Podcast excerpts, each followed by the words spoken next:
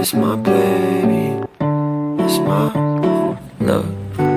Halo semua pendengar podcast ini di luar sana. Apa kabarnya?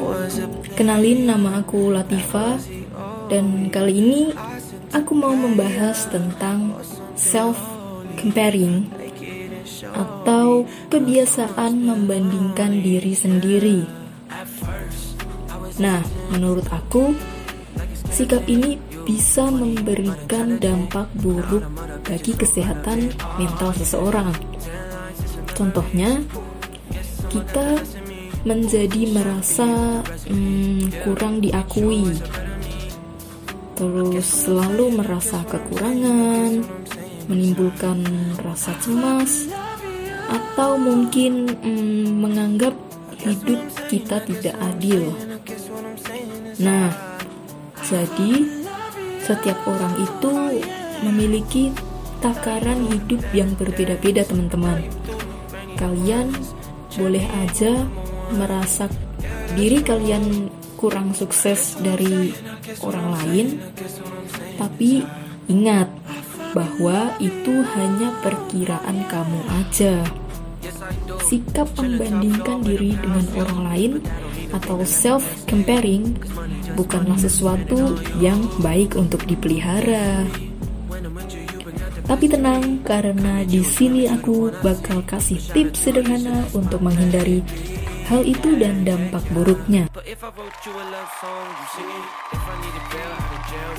Nah, yang pertama yaitu sering-sering berbicara positif tentang dirimu sendiri dan kepada dirimu sendiri. Yang kedua, bersyukur. Selalu bersyukur dengan segala yang kamu miliki.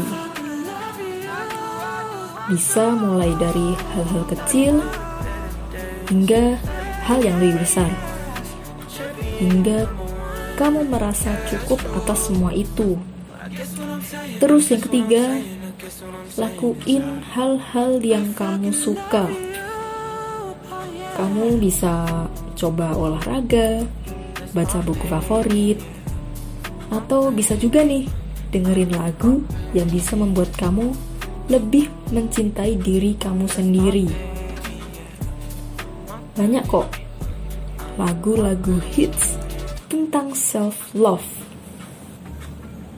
Nah, itu dia tips dari aku yang bisa kamu terapkan agar kamu berhenti dari kebiasaan buruk membandingkan diri kamu sendiri dengan orang lain.